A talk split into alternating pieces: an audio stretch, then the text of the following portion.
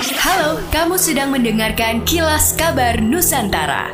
Podcast persembahan KG Radio Network menyajikan berita harian yang mengangkat keunikan dari berbagai wilayah Indonesia. Kilas Kabar Nusantara dapat juga didukung oleh pengiklan loh.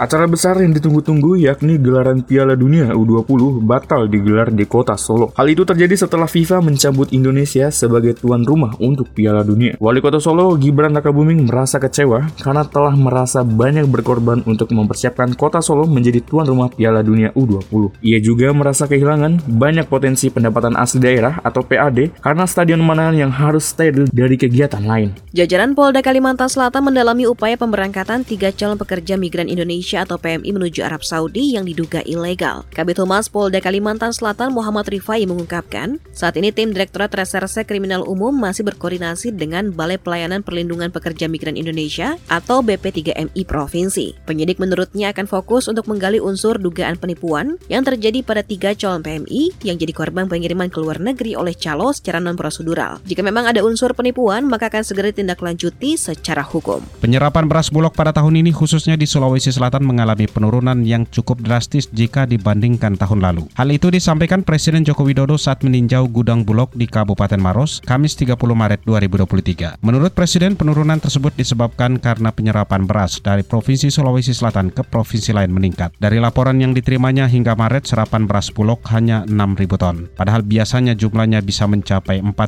sampai 50.000 ton. Presiden mengatakan secara nasional pemerintah menargetkan penyerapan cadangan beras pemerintah CBP oleh Bulog tahun ini bisa mencapai 2,4 juta ton. Oleh karena itu pemerintah akan terus berupaya untuk memastikan kembali ketersediaan beras di seluruh provinsi di Indonesia. Demikianlah kilas kabar Nusantara pagi ini.